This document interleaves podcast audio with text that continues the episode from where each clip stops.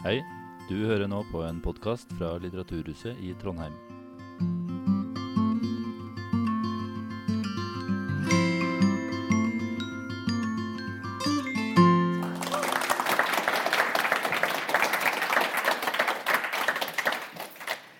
Ja, Fanny. Hyggelig å, å møte deg. Hyggelig å møte deg òg. Jeg har jo lest boka di flere ganger nå, eh, og syns liksom jeg kjenner deg litt grann via den. Så jeg gleder meg skikkelig til å møte deg her i dag og diskutere to temaer som du og Helene Berge Lind, som er medforfatter på, boka, som også er her i dag, eh, beskriver så fint. Det ene er det her med rus som selvmedisinering. Og det andre er rett og slett om vi i dag har en festkultur blant unge som er litt på villspor. Så aller først vil jeg egentlig bare si at denne boka var skikkelig bra. Jeg jobber på en ruspoliklinikk for unge som heter Psykiatrisk eh, ungdomsteam. Og jeg vil anbefale den her til alle som eh, jobber med unge mennesker som bruker rusmidler. Og det vil nesten være alle som jobber, for de fleste unge mennesker bruker rusmidler. Spesielt hvis man ønsker å lære seg litt mer om om rusmiddel som selvmedisinering, og om rett og slett det å være ung menneske i livet. Så den anbefales i aller høyeste grad. Så jeg tror vi starter med rus som selvmedisinering. Mm. Jeg vet at det er et tema som interesserer deg. Mm. Og det er også et tema som interesserer meg som lege veldig. Um, jeg vil egentlig starte med to sitater fra boka uh, som jeg syns du og og medforfatter beskriver det her med rus som selvmedisinering så godt. Det første sitatet er da du var sånn 14 eller 15, mm. 9. klasse på Juleballet. Juleballet. på ungdomsskolen, som mm. egentlig er et rusfritt arrangement, sannsynligvis. Jepp.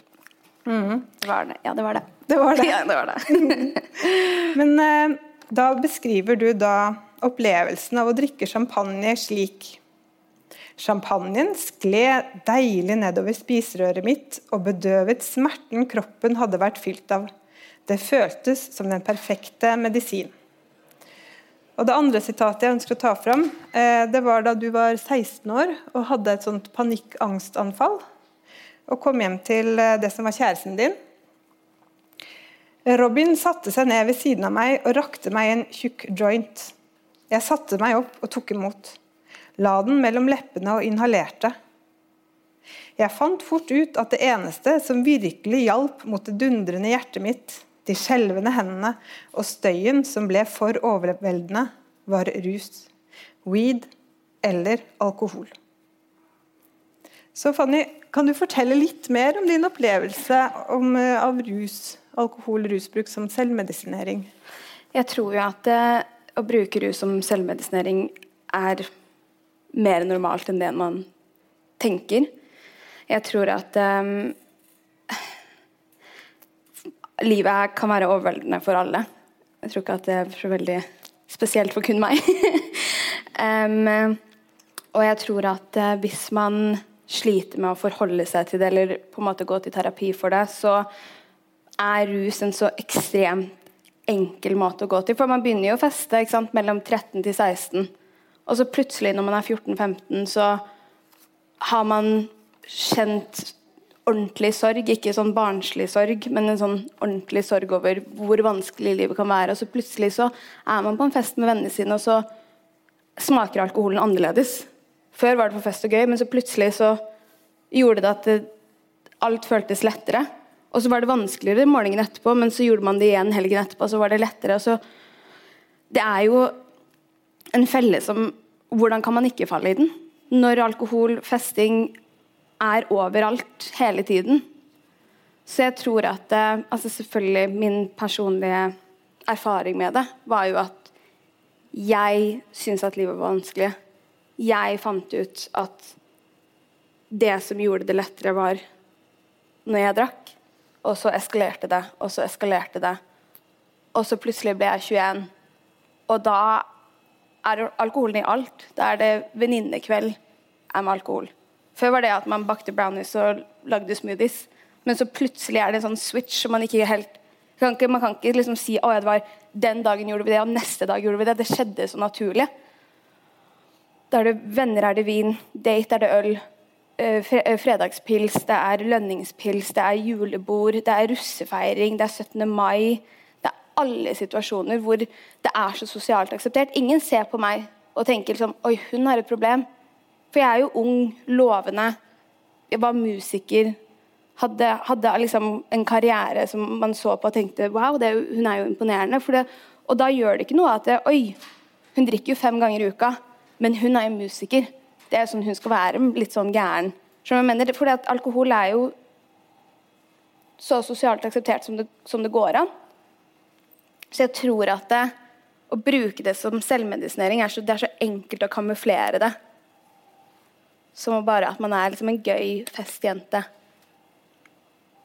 Men noe som jeg også har tenkt på som er interessant, sånn som når man liksom, går fra å være 21, 22, 23 til å bli liksom 27 og er med folk, venner som er 28, 29, 30, så er jo en switch fra når du var 18, 19, 20, 21 og du ble altfor drita, og du klinte med, med, han fyren som du ikke burde, og du ble blackout, så var det gøy.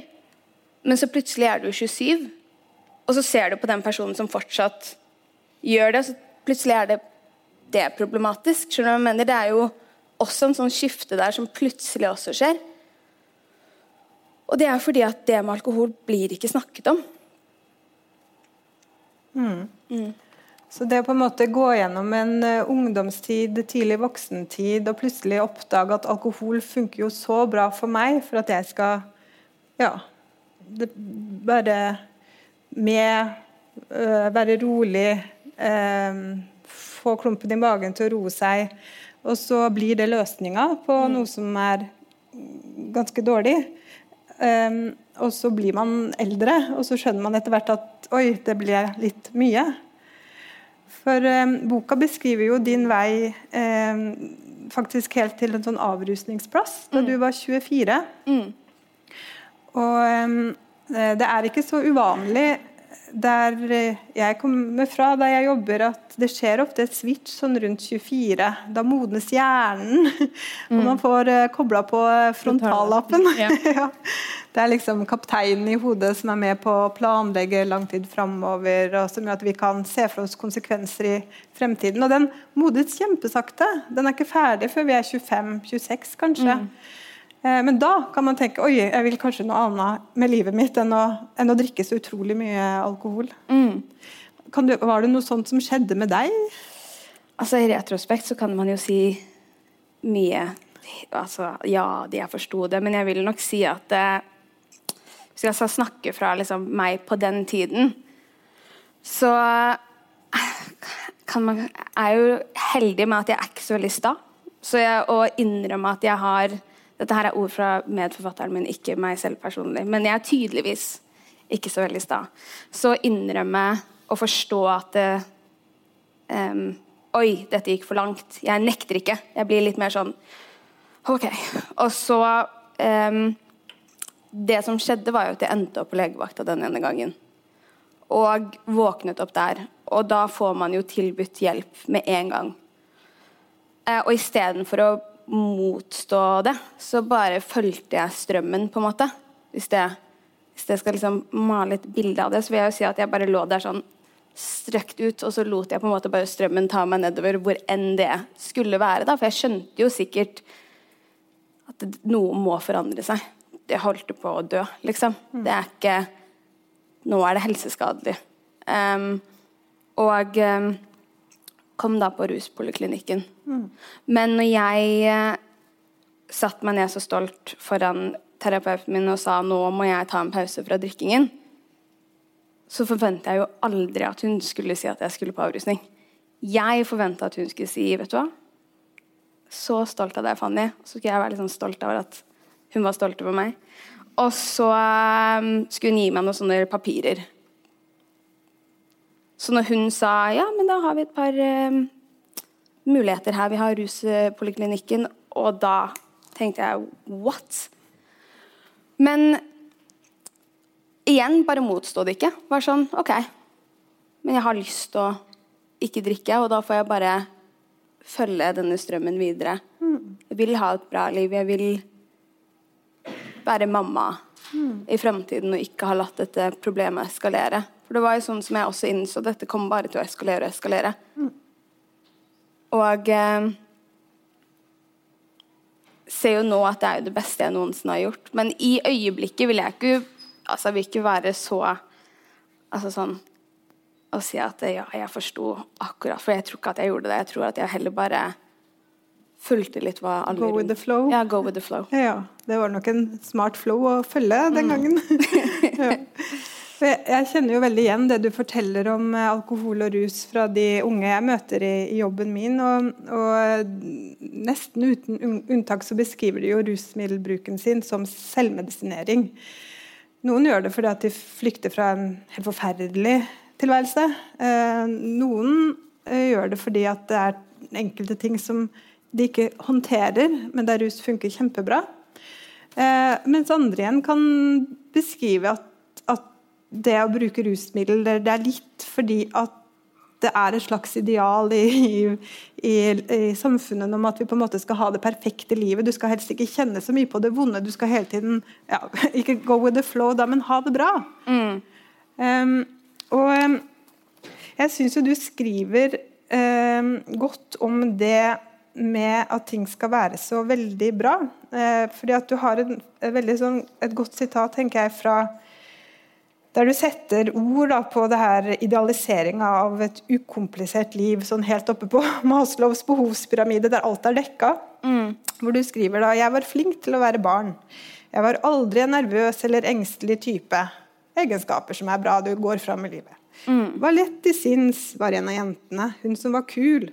Med kule klær, som drev med den kule sporten alle de kule jentene drev med. Var hun som hadde det så jævlig bra hele tiden.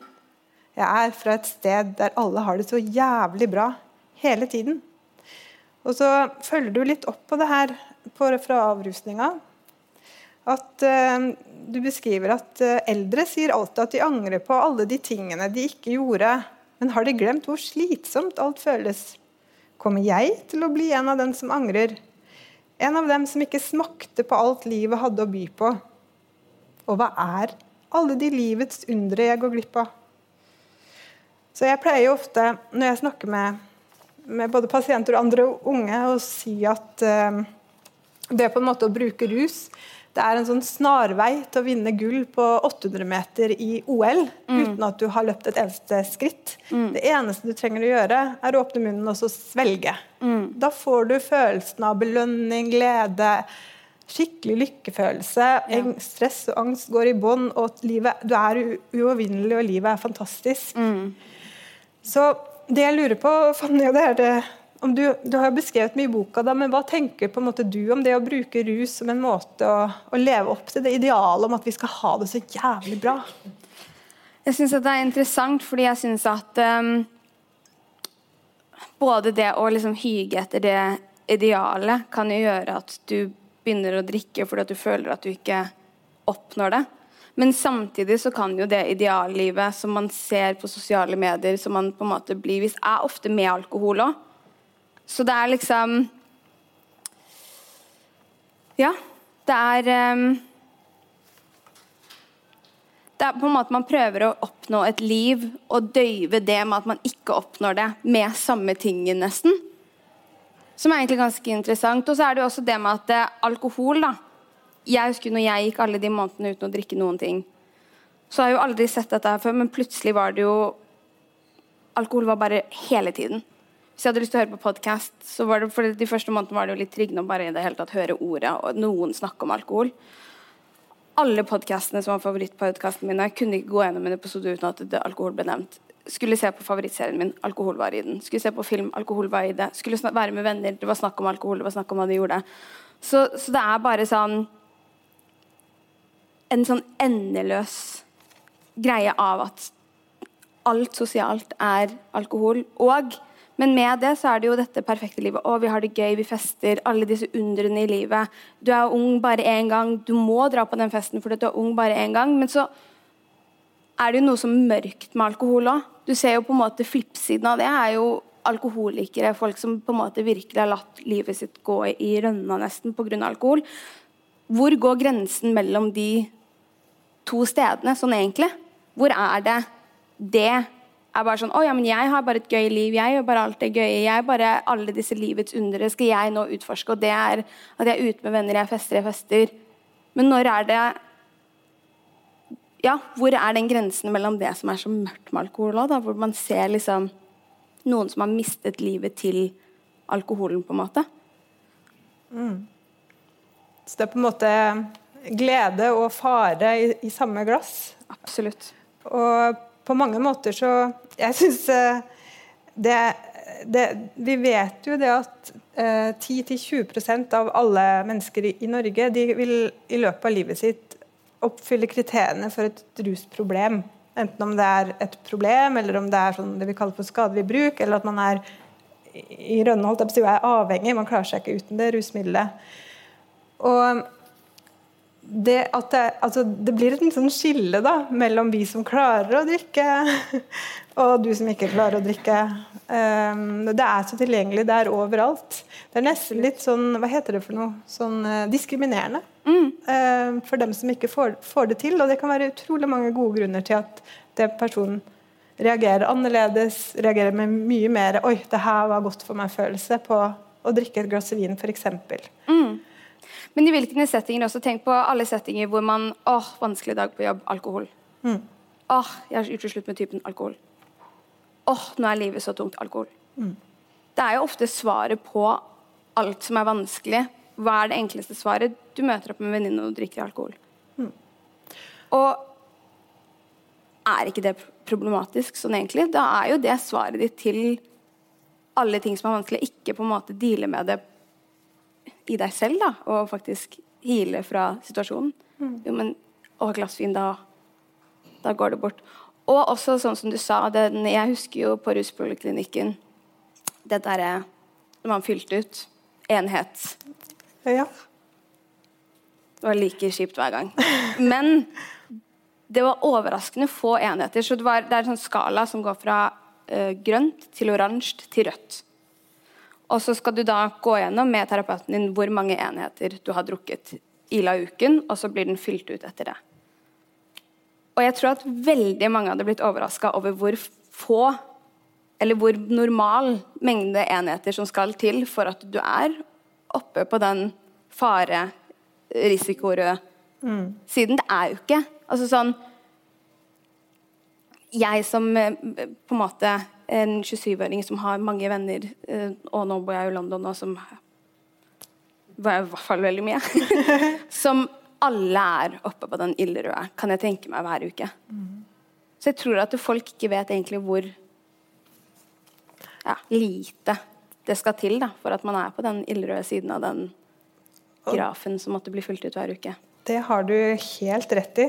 For eh, et av de hovedspørsmålene dine i boka, da, også det som står bakpå, det er bl.a. Eh, eh, hvor mange sliter egentlig med det samme som meg, men klarer ikke å innse det fordi alkohol er så sosialt akseptert, skriver du. Mm. Um, så nevner du alle de her anledningene vi har, uh, som du nettopp har nevnt. At det finnes nok av gode unnskyldninger til å la et ulmende alkoholproblem få se dagens lys uten at noen merker det. Alkohol er vanskelig fordi det er så ok hele tiden. Også fra et annet del av boka så skriver du jeg, til jeg tillater meg jo å drikke til enhver anledning. Fordi det fins så mange anledninger. Og det er overalt. Og jeg har jo tenkt jeg skulle svare på det spørsmålet da, som liksom fageksperten her. Mm. Så jeg har gått til tallene. Og nå skal jeg svare på hvor mange som sliter med det samme som deg. Og det har vært en sånn studentenes helse- og trivselsundersøkelse fra i år. Og der oppfyller faktisk 40% av alle dem mellom 19 og 30 kriteriene. De kommer opp på den røde på den skalaen din. Mm. Og oppfyller kriteriene for å ha et risikabelt eller skadelig bruk av alkohol. Det vil si at de i tillegg til å drikke mye, enten får blackout, at de klarer ikke å stoppe når de vil, de drikker mer enn de ønsker seg de, eh, de, klarer ikke å gjøre det de egentlig skulle dagen etterpå pga. at de drakk. Mm. Um, noen bekymrer seg for drikkinga deres. Um, og de har skada seg sjøl eller andre når de drikker. Mm. Du trenger ikke å gjøre alt, men noe av det. Så ender du opp med, med det. Så 40% av alle studentene vil ha skadelig bruk. Og når vi da regner på alle menneskene mellom 15 og 25 Litt kreativ bruk av tall, da. Men i alle fall, det betyr at ca. 270 000 unge mennesker strever med akkurat det samme som det du gjorde, som gjorde at du til slutt trengte en avrusning. Og 270 000 mennesker, det er like mange som det er i Trondheim akkurat nå. Så det er masse. Det er alle dere òg. Så vi snurrer oss jo litt inn mot det her spørsmålet hvor lett er det å drikke for mye i Norge? Det er så lett. Det er jo, liksom, det, er jo det eneste svaret. Det er så lett. Ja. Det var jo når jeg um, var på mitt verste um, fordi at livet var på det tyngste. Gikk gjennom som jeg skriver med alt det med plate Gikk gjennom et brudd med plateselskapet og syntes bare at livet var døvt. Og det var, til og med, det var sånne problemer som ikke gikk an å snakke om til andre, for dette hadde ikke løst det. Jeg sto med advokat, jeg måtte ut av en kontrakt, og det hjalp ikke å sitte og snakke om situasjonen var der uansett. Og hva gjorde jeg da? Jeg drakk. Og da Hvis du på en tirsdag tenkte sånn ah, shit, nå hadde det vært sykt nice med litt øl Du finner noen som også syns at åh, en tirsdag var mye. Da hadde det vært sykt nice med en øl. Og så kanskje vil du på onsdag nå, og da kan du finne en annen venn. Du spør ikke den samme. For da, hva om de setter litt spørsmålstegn? Så finner du en annen venn som du kan gjøre på onsdagen. Og så finner du en annen venn som du kan gjøre med på torsdagen. Det er alltid noen som kommer til å ville være der med deg. Så altså, det er det letteste problemet å utvikle, vil, altså, vil jeg tro. Mm. Og du har rett i det. Ifølge amerikanske undersøkelser så er um, Hva var det da? én av tre unge amerikanere sånn tidlig i 20-åra har en eller annen psykisk lidelse der alkohollidelse er det vanligste. Mm. Sånn at uh, det er en kjempestor risikofaktor vi hele tiden uh, lefler med. Da. Ja. Og det hadde vært interessant å se også den uh, blodprøven som man mm. tar, mm. som viser Hva heter den for noe igjen? Den heter PET. heter den. Ja, PET. Mm. Hvis, som da viser til alkoholnivået i blodet ditt som ikke er en sånn korttids. Det viser en sånn lengre spekter på et par uker da, om du har for mye. Og det som er normalt, er fra 0,03 til 0,4% Så var det Ikke kall meg 100 på det. Jo, det, det står i boka. Det er Hvis dere kan dere kjøpe boka, da har jeg de riktige tallene. Og eh, alt over det blir sett på som eh, farlig, da. Ja. Det hadde vært altså, sånn Hvis man skulle tatt blodprøve av alle og tatt den PET-testen, mm. Ja. Hadde nok vist at veldig mange var over 0,3, som er grensa. Ja. Mm. Sånne prøver se på hele tiden. 0,3, ja. Og det, det, det, det, har du helt rett i. Og så vet man ikke det, for at man aldri tar den prøven. Mm. Um, men alt over, hvis man går rundt med en alkohol i blodet som gjør at du får en PET over 0,3, så er det på en måte skadelig påvirkning av kroppen. og ja, Nå skal vi ikke bli som dommedagsprofeter her oppe, da, for dette mye, kan være mye glede i en rusopplevelse òg. Men, eh, men, det godeste WHO, Verdens helseorganisasjon, har nå erklært at alkohol er liksom den tredje eh, største sånn, eh, fienden mot folkehelsa, som ikke er smittsom. Eh, og mener at det på en måte fører direkte til hva var det, 200 forskjellige sykdommer. Um, mm, så ja, det er ikke til å spøke med. da, og det har jo du erfart, og det erfarer jeg òg med min daglige virke. Mm. Og det vi òg skal snakke litt om i dag, Fanny, det er jo det her med, med festkultur. For nå har vi snakka en del om det med alkohol, mm. på, en måte, på, en måte, på, godt og på vondt. Mm. Um, og du beskriver litt det her fellesskapet du hadde, hvor du shoppa litt venner for å, for å få lov til å drikke mye.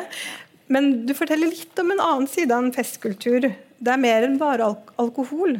Mm. Og det er mer enn også illegale rusmidler. Men du beskriver bl.a. at uh, hvis du vil ta drugs, finner du drugs der du er. Det er overalt. Det flyter i krokene på hver eneste fest. Ecstasy, MDMA og kokain mm. mest. Og så beskriver du, beskriver du, Det er en veldig god beskrivelse av et sånt festfellesskap, vil jeg si. da. Um, kanskje vi brydde oss om hverandre pga. minnene vi delte. De jævlig morsomme historiene fylt av ekstreme følelser fremprovosert av ulike typer rus.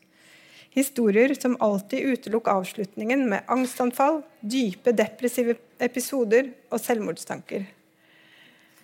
Så Jeg lurer på, ut ifra din erfaring, tenker du på en måte at vi har en festkultur som er på ville veier, der jakten på de store opplevelsene, kunstig framstilt av rus, ender opp med psykiatri og ubehag og ødelagte liv?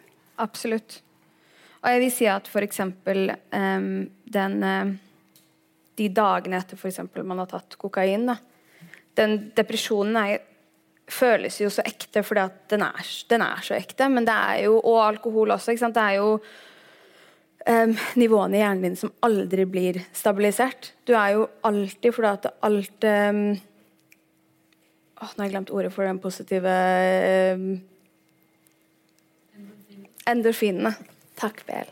Um, endorfinene er brukt opp. Så når du er edru, så er du helt tom for dem, og så drikker du igjen, og så blir de brukt opp. Og så, i hvert fall med dop, da, så er det jo ingenting. Jeg husker at jeg og, og den vennen som jeg snakker om eh, i det du nettopp leste, vi pleide etter vi hadde hatt en heavy helg på mandagen, å være oppe i leiligheten hans, og begge var sånn Det føles ut som at man har mista en familie med dem. Sånn føles den sorgen. Det er ikke sånn, det er ikke sånn depresjon. det er bare alt er mørkt. Og hvis man bare fortsetter det, så er det jo det Man blir jo suicide, altså, suicidal av det. Man blir jo ekstremt deprimert. Og det er det samme med, med den eh, ekstreme drikkingen. Man drikker fordi det gir i øyeblikket deg fri fra deg selv, nesten. Men så gjør det jo virkelig livet ditt mye verre. Og så bare er det en sånn ond sirkel som fortsetter og fortsetter, og fortsetter, og så blir det kommer man seg liksom ikke ut av det. Så nå har jeg faktisk glemt hva spørsmålet litt Nei, du svarer veldig, veldig godt på det. Om du forteller litt om den festkulturen som der og da er fylt av intense rusfølelser.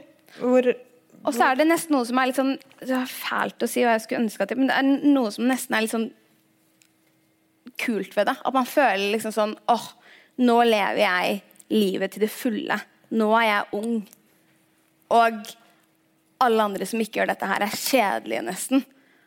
Og, og, alle de som er i det samme med deg, som gjør alle de tingene og tar drugs og drikker altfor mye, de har den samme tankegangen som deg. Det er akkurat som en sånn unnskyldning for å fortsette. Alle andre er kjedelige. Men det er jo ikke sannheten i det hele tatt. Det er, det er bare en unnskyldning for at man skal kunne fortsette, og at vi sier det til hverandre, så vi får hverandre til å føle oss bedre. Ja, men du er gøy. Og så sier vi det nok ganger til hverandre. Så sier vi sånn Ja, men det er slutt nå. Nå er det ferdig. Og så drar vi ut igjen, og så etter én øl så er vi sånn Og det er bare Det er usunt, og ja Man finner de riktige vennene som på en måte gjør en selv verre. Ikke sant.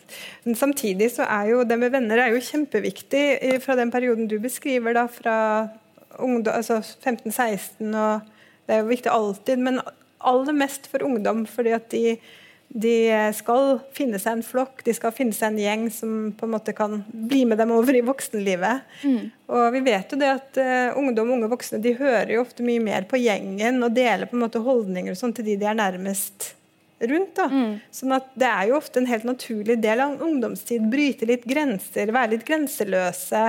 Eh, slå opp litt nye dører. Mm. Man skal liksom gjøre det. Mm. Og så kan jeg, da, som en litt eldre da, dame nå, som jeg ser ned tilbake på mine ungdomsår og tror, begynner å tro at jeg vil forstå mer, da. det vet jeg ikke om jeg gjør, men jeg tror det.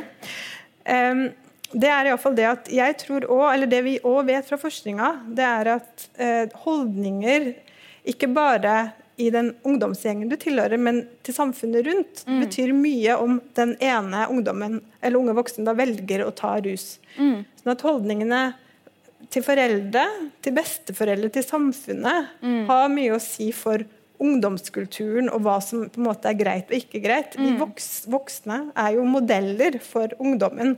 I tillegg til at ungdommen gjerne skal eh, De skal gjøre litt mer enn oss. Mm. Og da er det litt interessant. Da, når vi vet, da jeg ble født i 1985, så drakk eh, skal vi se, hva var det da, 40% av dem over 60 drakk alkohol grafen nå har gått til himmels, så nå drikker 80 eller 90% av dem over 60. Mm. Sånn at det er alkohol tar mye mer plass, det brukes i alle anledninger. Sånn at det rommet der det er lov å drikke, det er mye større fra voksengenerasjonen. Så hva blir det igjen da til ungdommen? Hva skal de gjøre for å sprenge litt grenser, for å ta litt plass, for å være revolusjonære? Når vi allerede har gjort det rommet så vanvittig stort. ja. Det er sant. Og, jeg, og jeg, det er sånn som jeg ser også nå på liksom, det stedet jeg er fra, da, ungdomsskolen. og jeg som hører jo historier, og det er jo bare blitt mer og mer og mer ekstremt fra når vi gikk der. Og noe jeg tenkte på også, er jo at igjen, det er jo Jeg husker jo um, mye med, det, med, de filmene man så, som glamoriserer dette her ville festlivet så ekstremt. Jeg husker jo som ung også at jeg så det og tenkte liksom wow. Sånn sjuke festescener, og man tenkte bare wow, det så det er jo en sånn glamorisert ting også, at man skal være vill og ung. Og ja, jeg kan jo se på de som er yngre enn meg nå òg, og, og, se at de har jo tatt det om det var mulig, lenger enn oss òg. Det, det har de jo på tallene. Mm. Det viser, det viser det at flere ja, Det er Ungdatatall som eh, undersøker blant ungdomsskoler og videregående. Der øker eh, bruken av all type Ja, og i hvert fall det med, med, med dop, har jeg mm. forstått. Um, så ja, nei, det er absolutt altså, et samfunnsproblem som bare er i full utvikling, eh, virker det som.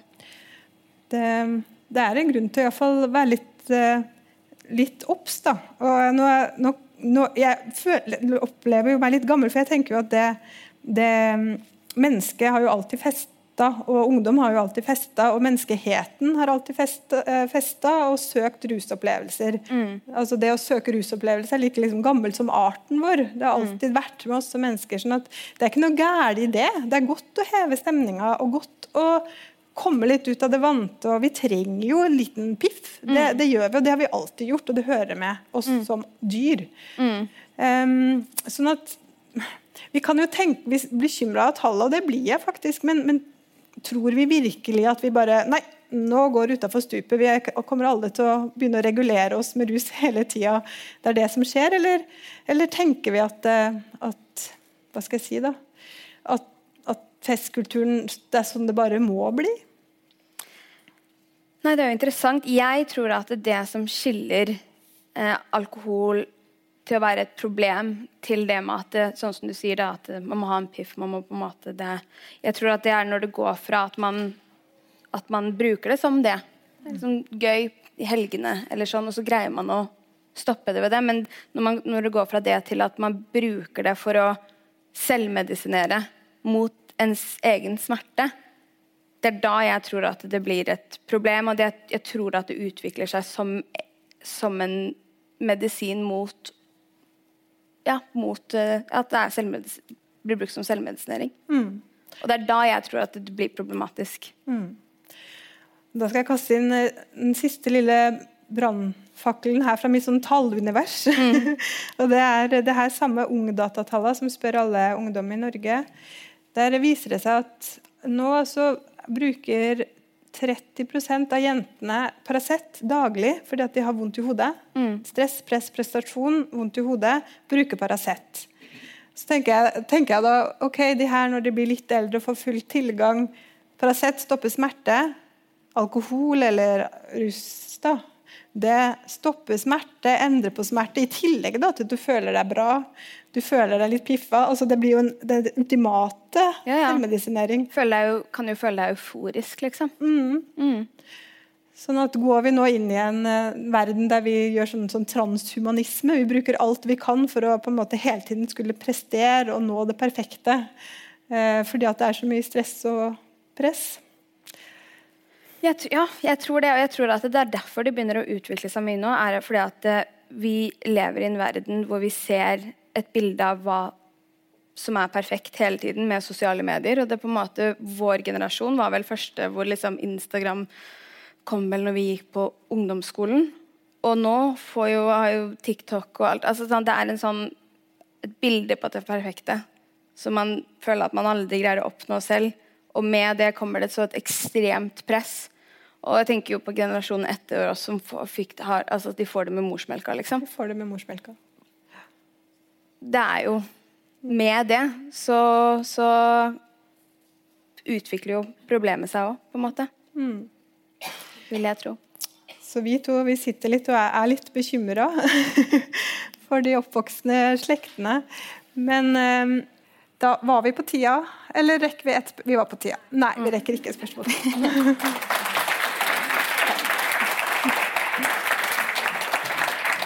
Eh,